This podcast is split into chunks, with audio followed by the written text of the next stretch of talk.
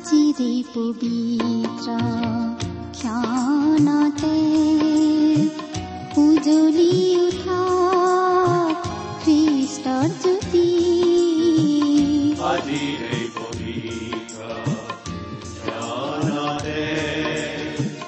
উজ্বলি উঠা খ্ৰীষ্টৰ জ্যোতি আকাশ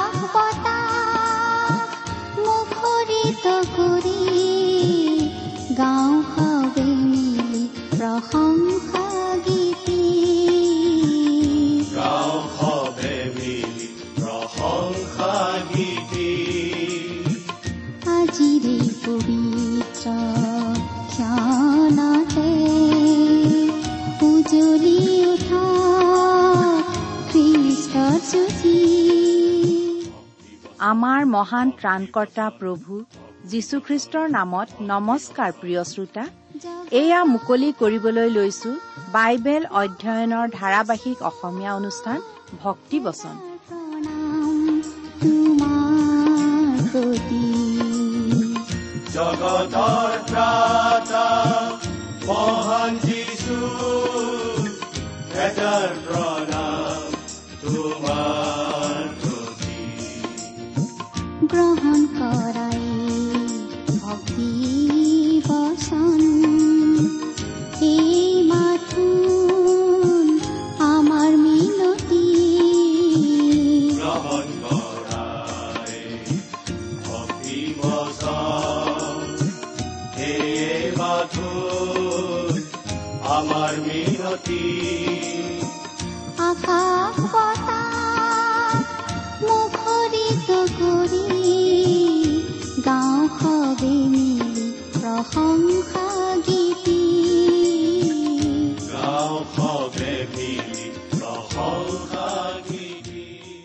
প্ৰিয় শ্ৰোতা আপুনি বাৰু আমাৰ এই ভক্তিপচন অনুষ্ঠানটো নিয়মিতভাৱে শুনি আছেনে?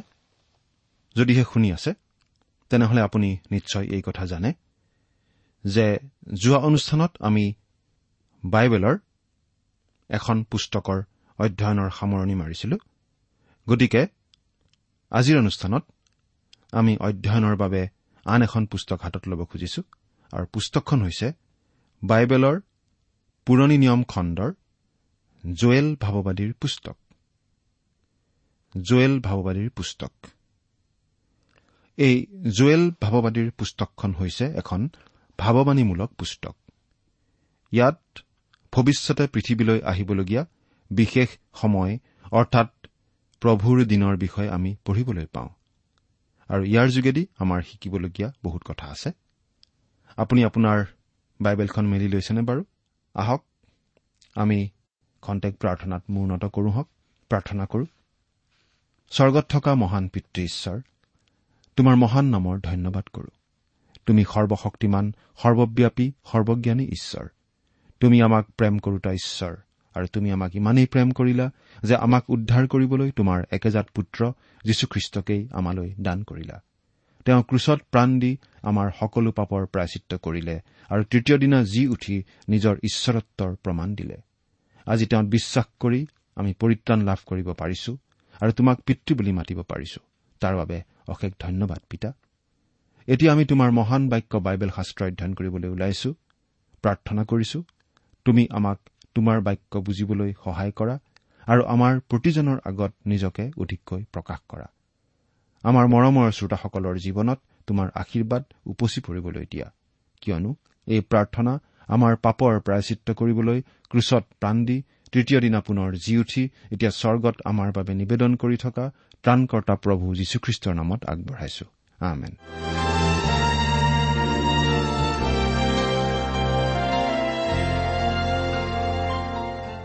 প্ৰিয় শ্ৰোতা জুৱেল ভাৱবাদীৰ পুস্তকৰ কথাখিনি আমাৰ বাবে বেছি গুৰুত্বপূৰ্ণ যেন হয়তো নালাগিব পাৰে কাৰণ ইয়াত মাত্ৰ তিনিটা অধ্যায়হে আছে। কিন্তু এই সৰু পুস্তকখন এটা এটম বোমৰ নিচিনা দেখাত বেছি ডাঙৰ নহয় কিন্তু প্ৰচণ্ড শক্তিশালী। জুৱেল ভাৱবাদীৰ বিষয়ে আমি খুব কম কথাহে জানো। তেওঁৰ বিষয়ে আমাক এই বুলি কোৱা হৈছে পথুৱেলৰ পুত্ৰ জুৱেলৰ ওচৰলৈ অহা জিহুৱাৰ বাক্য। জুৱেল শব্দৰ অৰ্থ হৈছে জিহুৱাই ঈশ্বৰ। আৰু এইটো অতি প্ৰচলিত নাম আছিল। বহুতো মানুহে জুৱেলক চমুৱেলৰ পুতেক বুলি ধৰি ল'ব খোজে কাৰণ প্ৰথম চমুৱেল আঠ নম্বৰ অধ্যায়ৰ এক আৰু দুই নম্বৰ পদত আমি এই বুলি পঢ়িবলৈ পাওঁ। পাঠ কৰি দিছো। পাছে চমুৱেল বৃদ্ধ হলত তেওঁ তেওঁৰ পুত্ৰবিলাকক ইছৰাইলৰ ওপৰত বিচাৰকৰ্তা নিযুক্ত কৰিলে। তেওঁৰ বৰ পুতেকৰ নাম জুৱেল দ্বিতীয় পুতেকৰ নাম অবিয়া আছিল। তেওঁবিলাকে বেৰ চেবাত বিচাৰ কৰে। কিন্তু আমি যদি পঢ়ি যাওঁ তাৰ পাছৰ পদটোতেই আমি এই বুলি পঢ়িবলৈ পাওঁ। কিন্তু তেওঁৰ পুতেকবিলাকে বাপেকৰ পথত নচলি অপথে গৈ লোভিয়া হৈ ভেটি খাই অন্যায় বিচাৰ কৰিবলৈ ধৰিলে। চমুৱেলৰ সন্তান কেতিয়াও জুৱেল ভাওবাদীৰ নিচিনা নাছিল। আমি এই কথা নিশ্চিতভাৱে ক'ব পাৰো যে জুৱেলে জিৰচালেম আৰু আশে পাশে থকা অঞ্চলতেই ভাৱবাণী প্ৰচাৰ কৰিছিল। তেওঁৰ ভাৱবাণীত তেওঁ বাৰে বাৰে ঈশ্বৰৰ গৃহৰ কথা উল্লেখ কৰা আমি পঢ়িবলৈ পাওঁ। উদাহৰণস্বৰূপে জুৱেল এক নম্বৰ অধ্যায়ৰ ন নম্বৰ পদত আমি এই বুলি পঢ়িবলৈ পাওঁ জিহুৱাৰ গৃহৰ পৰা ভক্ষ্য আৰু পেয় নৈবেদ্য নাইকিয়া হল। জিহুৱাৰ পৰিচাৰক পুৰোহিতবিলাকে শোক কৰিছে। তেওঁ জিৰচালেমৰ কথা উল্লেখ কৰিছে। জুৱেল তিনি নম্বৰ অধ্যায়ৰ বিশ নম্বৰ পদতো আমি পাঠ কৰি দিছো। ইয়াত এনেদৰে লিখা আছে কিন্তু জিহুদা চিৰকাললৈকে আৰু জিৰচালেম পুৰুষানুক্ৰমে থাকিব। আকৌ তিনি নম্বৰ অধ্যায়ৰ সোতৰ নম্বৰ পদত আমি এই বুলি পঢ়িবলৈ পাওঁ তাতে মই যে মোৰ পবিত্ৰ পৰ্বত চিউনত বাস কৰোতা তোমালোকৰ ঈশ্বৰ জিহুৱা তাক তোমালোকে জানিবা। তেতিয়া জিৰচালেম পবিত্ৰ হ'ব। বিদেশীবোৰে তাৰ মাজেদি আৰু অহা যোৱা নকৰিব। গতিকে আমি ক'ব পাৰো যে তেওঁ আছিল দক্ষিণ ৰাজ্য অৰ্থাৎ জিহুদা ৰাজ্যৰ এজন ভাৱবাদী। জুৱেল ভাৱবাদীয়ে ভাৱবাণী ঘোষণা কৰিছিল এজন আদি ভাৱবাদী হিচাপে। আচলতে ভাৱবাদী বহুতো আছিল প্ৰায় পঞ্চাছজন আৰু এই কথাটো সাধাৰণতে মানি লোৱা হয় যে জিহুদাৰ ৰজা জোৱাছৰ ৰাজত্বকালত জুৱেল ভাৱবাদীয়ে ভাৱবাণী ঘোষণা কৰিছিল। গতিকে তেওঁ এলিয়া আৰু ইলিচা ভাৱবাদীৰ সমসাময়িক আছিল আৰু হয়তো চিনিও পাইছিল। জুৱেল ভাৱবাদীৰ পুস্তকখনৰ মূল বিষয়টো হৈছে প্ৰভুৰ দিন জিহুৱাৰ দিন। তেওঁ এই বিষয়টোলৈ বিশেষভাৱে আঙুলিয়াইছে পাঁচবাৰ। জুৱেল এক নম্বৰ অধ্যায়ৰ পোন্ধৰ নম্বৰ পদ দুই নম্বৰ অধ্যায়ৰ এক আৰু দুই পদ দুই নম্বৰ অধ্যায়ৰ দহ আৰু এঘাৰ পদ দুই নম্বৰ অধ্যায়ৰ ত্ৰিশ আৰু একত্ৰিশ পদ আৰু তিনি নম্বৰ অধ্যায়ৰ চৈধ্যৰ পৰা ষোল্ল নম্বৰ পদত। আমি তেওঁ বিশেষভাৱে এই জিহুৱাৰ দিনৰ কথা কোৱা দেখিবলৈ পাওঁ। জিচয়া জিৰিমিয়া জিহিচকেল আৰু দানিয়েল ভাৱবাদীয়েও প্ৰভুৰ দিনৰ বিষয়ে উল্লেখ কৰিছে। কেতিয়াবা তেওঁলোকে লিখিছে সেইদিনা বুলি। বিশেষভাৱে জখৰীয়াই জোৰ দি কৈছে সেইদিনা সেইদিনা বুলি। সেইদিননো কি? সেইদিন মানে প্ৰভুৰ দিন অথবা ঈশ্বৰ জিহুৱাৰ দিন। আচলতে প্ৰভুৰ দিনৰ বিষয়টো ভাৱবাণীত অৱতাৰণা কৰিছে জুৱেল ভাৱবাদীয়েই লিখিত ভাৱবাণীৰ সুদূৰ পৰ্বতৰ টিঙত উঠি এই ব্যক্তিজনে শতিকাবোৰৰ মাজেৰে চাই পঠিয়াই আন ভাৱবাদীসকলে দেখাতকৈ অধিক দূৰলৈকে দেখিছিল। তেওঁ দেখিছিল ভৱিষ্যতে আহিবলগীয়া প্ৰভুৰ দিন। শাস্ত্ৰত পোৱা এই প্ৰভুৰ দিন এটা বিশেষ অৰ্থপূৰ্ণ বিষয়। প্ৰভু যীশুখ্ৰীষ্টৰ দ্বিতীয় আগমনৰ লগে লগে পৃথিৱীত যি এহেজাৰ বছৰীয়া ন্যায় শাসনৰ আৰম্ভণি ঘটিব সেই সময়খিনিও এই প্ৰভুৰ দিনৰ অন্তৰ্গত। কিন্তু জুৱেল ভাৱবাদীয়ে আমাক এই কথাটো স্পষ্টভাৱে জনাই দিছে যে এই সময়খিনিৰ আৰম্ভণি ঘটিব মহাক্লেশৰ সময়ৰ পৰা।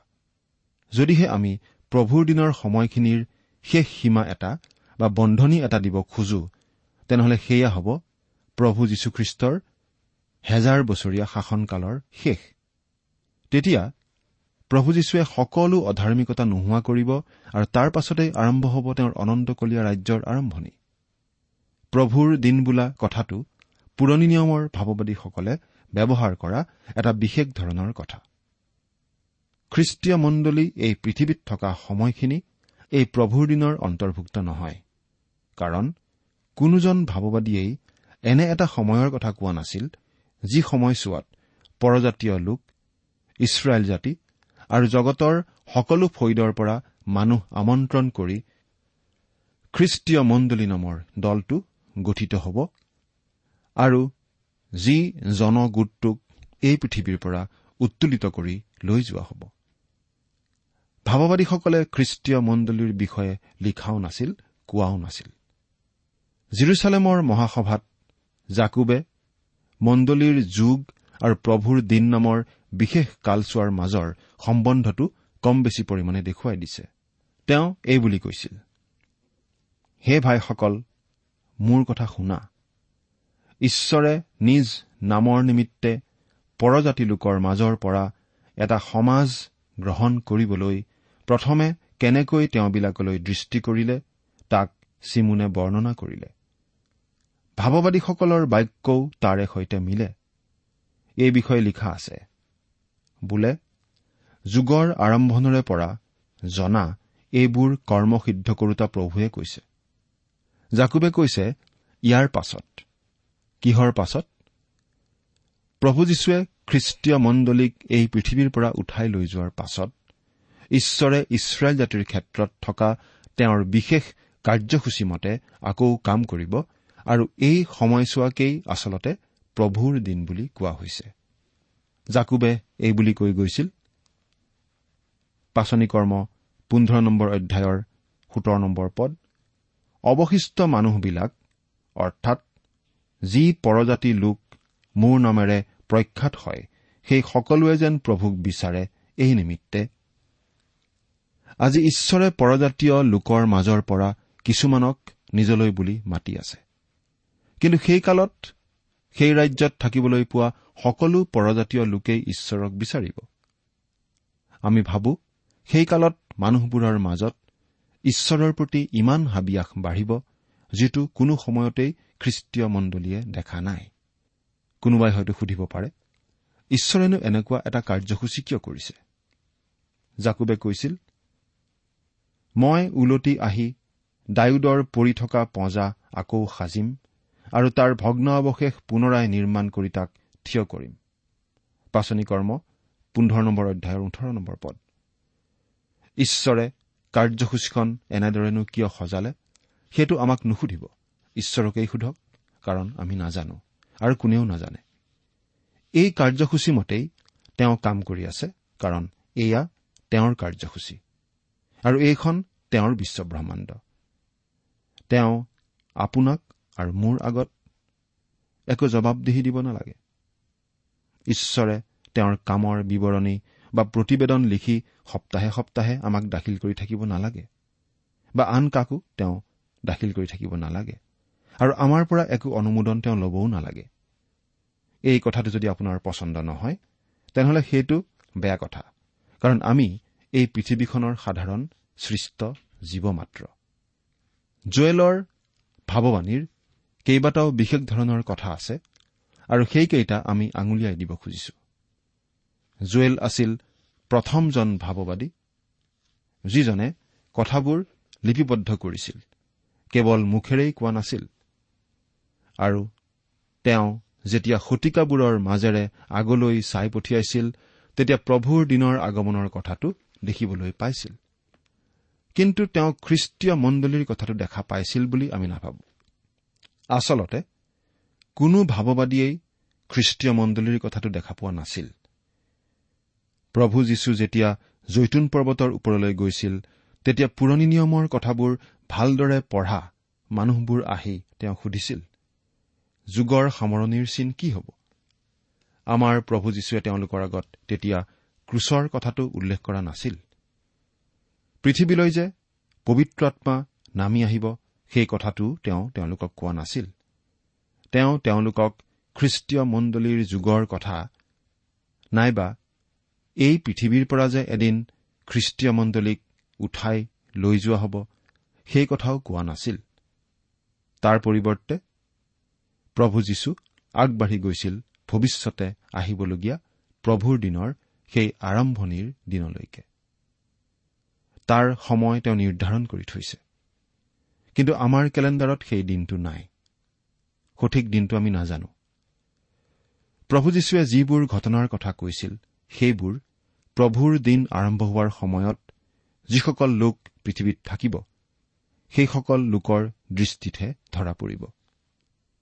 মুঠিয়ে লিখা শুভবাৰ্তা চৌব্বিছ নম্বৰ অধ্যায়ৰ পোন্ধৰ নম্বৰ পদত আমি এই বুলি পঢ়িবলৈ পাওঁ এই হেতুকে যি ধ্বংসকাৰী ঘীনলগীয়া বস্তুৰ কথা দানিয়েল ভাৱবাদীৰ দ্বাৰাই কোৱা হৈছিল তাক যেতিয়া পবিত্ৰ ঠাইত থকা দেখিবা। যিজনে পঢ়ে তেওঁ বুজক। প্ৰভুৰ দিনৰ আৰম্ভণি কেনেকৈ হ'ব সেইটো আমি এনেদৰেই বুজি পাওঁ। জুৱেলে এই কথাটো আমাৰ বাবে পৰিষ্কাৰ কৰি দিব যে প্ৰভুৰ দিনৰ আৰম্ভণি হ'ব ৰাতিৰে। অৰ্থাৎ সেই বিশেষ সময়ছোৱাৰ আৰম্ভণি হ'ব দুখ ক্লেশৰ সময়েৰে। অৱশ্যে আমি এই কথা জানো যে ইব্ৰীসকলৰ দিনটোৰ আৰম্ভণি হয় সূৰ্যাস্তৰ পাছতহে। আদিপুস্তক এক নম্বৰ অধ্যায়ৰ পাঁচ নম্বৰ পদত আমি এইবুলি পঢ়িবলৈ পাওঁ।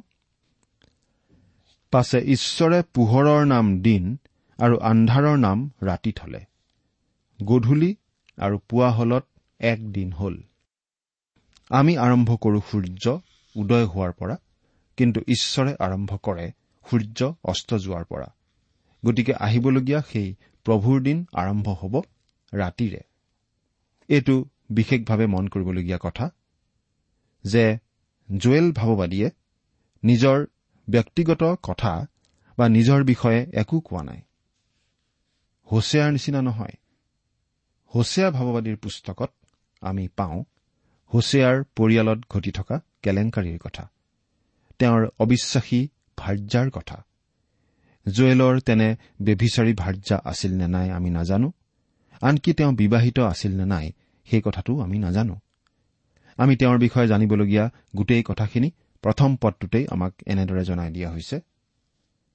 পথুৱেলৰ পুত্ৰ জুৱেলৰ ওচৰলৈ অহা জিহুৱাৰ বাক্য। ইমানখিনিয়ে মাত্ৰ আমি তেওঁৰ বিষয়ে জানিবলৈ পাৰিছো। আন আন ভাৱবাদীসকলৰ নিচিনাকৈ জুৱেলে ইছৰাইলক প্ৰতিমা পূজাৰ কাৰণে ককৰ্থনা কৰা নাই। আচলতে জুৱেলে যেতিয়া ভাৱবাণী ঘোষণা কৰিছিল সেই সময়ত ইছৰাইল জাতিৰ মাজত এই প্ৰতিমা পূজাৰ পাপটো ইমান বৃদ্ধি পোৱা নাছিল। জুৱেলে কেৱল এটা পাপৰ কথাই উল্লেখ কৰা আমি দেখিবলৈ পাম আৰু সেইটো হৈছে মদ্যপান কৰি মতলীয়া হোৱাৰ পাপ। জুৱেলৰ ভাৱবাণী আৰম্ভ হৈছে কাকতি ফৰিঙৰ উপদ্ৰৱৰ এটা অদ্বিতীয় বৰ্ণনাৰে। তাৰ পাছত তেওঁ সেই কাকতি ফৰিঙৰ আক্ৰমণৰ বৰ্ণনাটো তুলনা কৰিছে। এই পৃথিৱীলৈ ভৱিষ্যতে আহিবলগীয়া ঈশ্বৰৰ দণ্ডৰ সৈতে। প্ৰথম অধ্যায়টো নাট্যশাস্ত্ৰ আৰু সাহিত্যৰ দিশৰ পৰা অতি উৎকৃষ্ট মানৰ ৰচনা। এই অংশটো শাস্ত্ৰৰ অতি বিশেষ ধৰণৰ অংশ। এনেকুৱা শাস্ত্ৰাংশ আমি আৰু আন ঠাইত নাপাওঁ। আকৌ জুৱেলৰ ভাৱবাণীত এটা বিতৰ্কিত বিষয় আমি পাওঁ পবিত্ৰ আত্মা বাকী দিয়াৰ বিষয়ে যিটোৰ উদ্ধৃতি পাচনি পিতৰে দিছিল পঞ্চাছদিনীয়া পৰ্বৰ দিনাখন। সেই বিষয়টোৰ ব্যাখ্যা সম্বন্ধে মতানৈক্য আছে। সেই বিষয়ে আমি পাছত বহলাই আলোচনা কৰিম। প্ৰথম অধ্যায়টোৰ পৰা এতিয়া আমি অলপ চাব খুজিছো। এই অধ্যায়টোৰ মূল বিষয় হৈছে আক্ষৰিক অৰ্থত ঘটা কাকতি ফৰিঙৰ আক্ৰমণ আৰু প্ৰভুৰ দিনৰ আগমনলৈ অপেক্ষা। জুৱেলৰ ভাৱবাণীখিনি মাত্ৰ তিনিটা চুটি অধ্যায়তে আছে কিন্তু শাস্ত্ৰত এইকেইটা অধ্যায়ৰ বিশেষ গুৰুত্ব আছে। কথা লিপিবদ্ধ কৰা প্ৰথম ভাৱবাদীসকলৰ মাজত অন্যতম হিচাপে জুৱেলেই প্ৰভুৰ দিনৰ বিষয়টো উপস্থাপন কৰি বিশেষভাৱে সংজ্ঞা দাঙি ধৰিছে। প্ৰথম পদটো আকৌ এবাৰ পঢ়ি দিছো। পথুৱেলৰ পুত্ৰ জুৱেলৰ ওচৰলৈ অহা জিহুৱাৰ বাক্য। বহুতো মানুহে তৎক্ষণাত ক'ব খোজে জুৱেল চমুৱেলৰ পুতেক বুলি। কিন্তু চমুৱেলৰ সন্তানবোৰ অতি মন্দ প্ৰকৃতিৰ আছিল। কিন্তু জুৱেল ভাৱবাদী তেনেকুৱা নাছিল। জুৱেল ভাৱবাদীৰ দেউতাক আছিল পথুৱেল জুৱেল আছিল এটা প্ৰচলিত নাম আৰু এই নামটোৰ অৰ্থ হৈছে জিহুৱাই প্ৰভু। দুই নম্বৰ পদ। হে বৃদ্ধবিলাক এই কথা শুনা। আৰু হে দেশ নিবাসীবিলাক কাণ দিয়া। তোমালোকৰ দিনত বা তোমালোকৰ পূৰ্বপুৰুষবিলাকৰ দিনত এনে ঘটনা হৈছিল নে আমি এনেকুৱা দেখা পাওঁ যে এই সময়ত ইছৰাইল দেশ কাকতি ফৰিঙৰ উপদ্ৰৱত ভুগি আছিল। সেই দেশত আচলতে কাকতি ফৰিঙৰ এনে উপদ্ৰৱ বেছি আচৰিত কথা নাছিল। কিন্তু জুৱেলে বৃদ্ধ লোকসকলক মাতি আনি এই বুলি কৈছে তোমালোকৰ দিনত বা তোমালোকৰ পূৰ্বপুৰুষবিলাকৰ দিনত এনে ঘটনা হৈছিল নে এনেকুৱা ধৰণৰ কাকতি ফৰিঙৰ উপদ্ৰৱৰ বিষয়ে তোমালোকে বাৰু আগতে শুনিছিলানে? নিশ্চয় তেওঁলোকে এই বুলি উত্তৰ দিছিল নাই এইবাৰেই সকলোতকৈ ডাঙৰ উপদ্ৰৱো আমি দেখা পাইছো। প্ৰিয় শ্ৰোতা আমাৰ প্ৰায়েই এইটো সমস্যা যে যিমানেই আমি বয়সত বৃদ্ধ হৈ যাওঁ সিমানেই আমাৰ মনত এনেকুৱা ভাৱ হ'বলৈ ধৰে যে অতীতৰ কথাবোৰেই বেছি ভাল বেছি ডাঙৰ বেছি গুৰুত্বপূৰ্ণ আছিল। যদি কোনোবা ডেকা আহি আমাক কয় আমাৰ গীৰ্জাত আজি ইমান ধুনীয়া প্ৰাৰ্থনা উপাসনা হ'ল তেতিয়া বৃদ্ধসকলে প্ৰায়েই এনেকৈ উত্তৰ দিয়ে এৰা ভালেই হৈছে। কিন্তু আমাৰ সময়ত আমাৰ গাঁৱত এবাৰ এখন সভা হৈছিল। সেইখন সভা এই সভাতকৈ বহু বেছি ডাঙৰ আৰু ভাল আছিল। ইয়াত আমি দেখিবলৈ পাইছো জুৱেলে সুধিছিল আপোনালোক বৃদ্ধসকলে এনেকুৱা আগতে কেতিয়াও দেখাও নাছিল শুনাও নাছিল? আৰু সেই বৃদ্ধসকলে সেই কথা মানি ল'ব লগা হৈছিল। তিনি নম্বৰ পদ। তোমালোকে নিজ নিজ সন্তানবিলাকক ইয়াৰ কথা কোৱা আৰু সিহঁতে নিজ নিজ সন্তানবিলাকক কওক আৰু সিহঁতৰ সন্তানবিলাকেও ভাবি সন্তানক কওক। জুৱেলে এই বুলি কৈছে যে তোমালোকে এই কথা আহিবলগীয়া প্ৰজন্মলৈ আগবঢ়াই দিব পাৰা। তোমালোকৰ সন্তানসকলক এই বিষয়ে কবা। আৰু তেওঁলোকৰ সন্তানবিলাকক যাতে তেওঁলোকে কয় সেই বুলিও কবা। কাৰণ ভৱিষ্যতেও আৰু এনেকুৱা কাকতি ফৰিঙৰ উপদ্ৰৱ আৰু নহ'ব। এইখিনিতে বাৰু আমাৰ আন এটা শাস্ত্ৰাংশ মনত নপৰেনে? মঠি চৌবিছ নম্বৰ অধ্যায়ত প্ৰভু যীশুৱে যেতিয়া আহিবলগীয়া মহাক্লেশৰ কথা কৈছিল তেতিয়া তেওঁ একে কথাই কৈছিল। তেওঁ কৈছিল যে তেনে মহাক্লেশ আগতেও কেতিয়াও নহ'ব আৰু পাছতো কেতিয়াও নহ'ব। সেই মহাক্লেশৰ সময়ত কোনেও ক'ব নোৱাৰিব। এই সময়খিনিয়ে মোক অতীতৰ কথালৈ মনত পেলাই দিছে। সেই সময়তো আমি এনেকুৱা ভয়ংকৰ পৰিস্থিতিৰ সন্মুখীন হৈছিলো। নাই আহিবলগীয়া মহাক্লেশৰ নিচিনা সময় আমি আচলতে কেতিয়াও দেখা নাই। ইতিহাসত লিপিবদ্ধ প্ৰায়বোৰ ঘটনাৰেই প্ৰায় একেধৰণৰ ঘটনা আগতে ঘটি যোৱা বুলি ক'ব পাৰি। কিন্তু মহাক্লেশৰ সময়ত যি মহাক্লেশ হ'ব তেনেকুৱা মহাক্লেশ আগতেও কেতিয়াও নহ'ব তাৰ পাছতো কেতিয়াও নহ'ব বুলি প্ৰভু যীশুৱে অতি স্পষ্টভাৱে কৈছে মঠি চৌব্বিছ নম্বৰ অধ্যায়ৰ একৈশ নম্বৰ পদত। যেতিয়া পৃথিৱীত মহাক্লেশ চলি থাকিব তেতিয়া মানুহৰ মনত আচলতে কোনো সন্দেহেই নাথাকিব যে সেই সময়খিনিয়েই প্ৰকৃত মহাক্লেশ। অতি নাটকীয়ভাৱে জুৱেলে কৈছে চোৱা এই কাকতি ফৰিঙৰ উপদ্ৰৱটো অদ্বিতীয়। এনেকুৱা আগতে কেতিয়াও হোৱা নাই। কিন্তু আন এটা একেধৰণৰ অদ্বিতীয় সময় আহি আছে সেয়া হৈছে প্ৰভুৰ দিন। এই পৃথিৱীৰ পৰা খ্ৰীষ্টীয় মণ্ডলীক উত্তোলিত কৰি নিয়াৰ পাছত আৰম্ভ হবলগীয়া মহাক্লেশেৰে আৰম্ভ হ'ব সেই প্ৰভুৰ দিন। সেই মহাক্লেশ হ'ব পৃথিৱীত ঘটা অতি ভয়ংকৰ আৰু জঘন্য সময় অৱৰ্ণনীয় দুখ কষ্টৰ সময় আৰু তাৰ পাছতেই আহিব প্ৰভু যীশুখ্ৰীষ্ট। তেওঁৰ ৰাজ্য তেওঁ স্থাপন কৰিবহি। বাইবেলত এই সকলোবোৰ কথা আছে বুলি বহুতে গমেই নাপায় কাৰণ তেওঁলোকে গোটেইখন বাইবেল হয়তো ভালদৰে পঢ়াই নাই। বাইবেলে কি কয় সেই কথা জানিবলৈ হলে আমি গোটেইখন বাইবেল পঢ়িব লাগিব। প্ৰিয় শ্ৰোতা কাকতি ফৰিঙৰ এই উপদ্ৰৱৰ কথাটোৱে আমাক ভৱিষ্যতে এই পৃথিৱীলৈ আহিবলগীয়া মহাক্লেশৰ কথা সোঁৱৰাই দিয়ে। সেই মহাক্লেশৰ পৰা প্ৰতিজন খ্ৰীষ্টীয় বিশ্বাসী সাৰি যাব কাৰণ মহাক্লেশ আৰম্ভ হোৱাৰ আগে আগে তেওঁলোকক এই পৃথিৱীৰ পৰা প্ৰভু যীশুৱে উত্তোলিত কৰি লৈ যাব। আপুনি বাৰু তেনেদৰে সাৰি যাবনে? চিন্তা কৰি চাওকচোন ঈশ্বৰে আপোনাক আশীৰ্বাদ কৰক। হৃদয়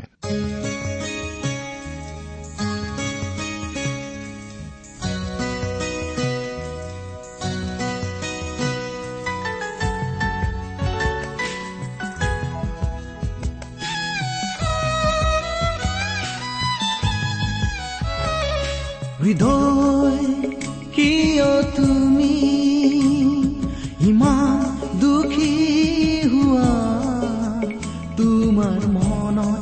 আনন্দ নাই যেন বিপদাগৰ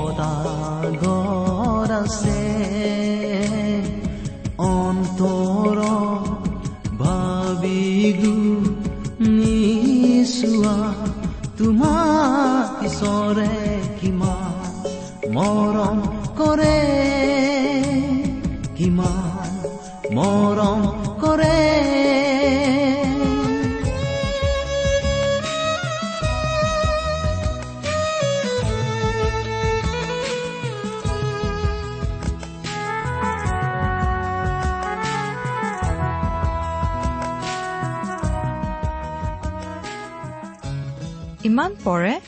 আপুনি ভক্তিবচন অনুষ্ঠানটি শুনিলে।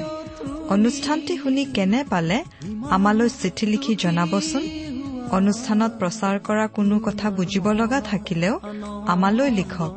আমাৰ ঠিকনা ভক্তিবচন টি ডাব্লিউ আৰ ইণ্ডিয়া ডাক বাকচ নম্বৰ সাত শূন্য গুৱাহাটী সাত আঠ এক শূন্য শূন্য এক।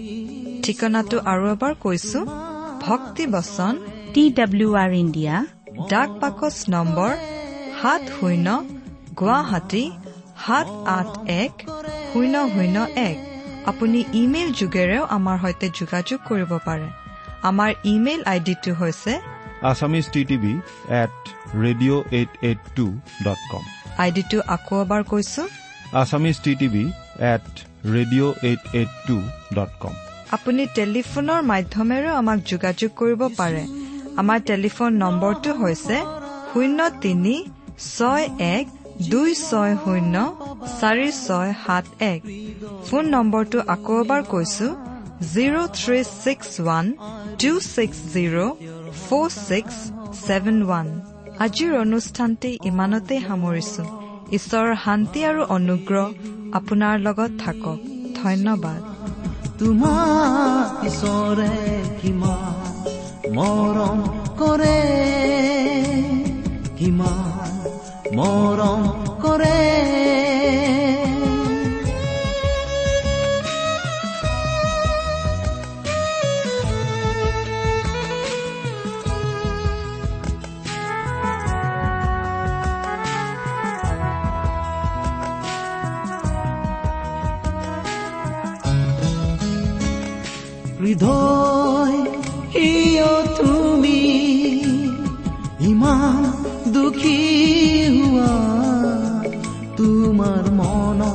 আনন্দ নাই যেন বিপদাগৰ আছে অন্তৰ ভাবি গুণিছোৱা তোমাক ঈশ্বৰে কিমান মৰম কৰে।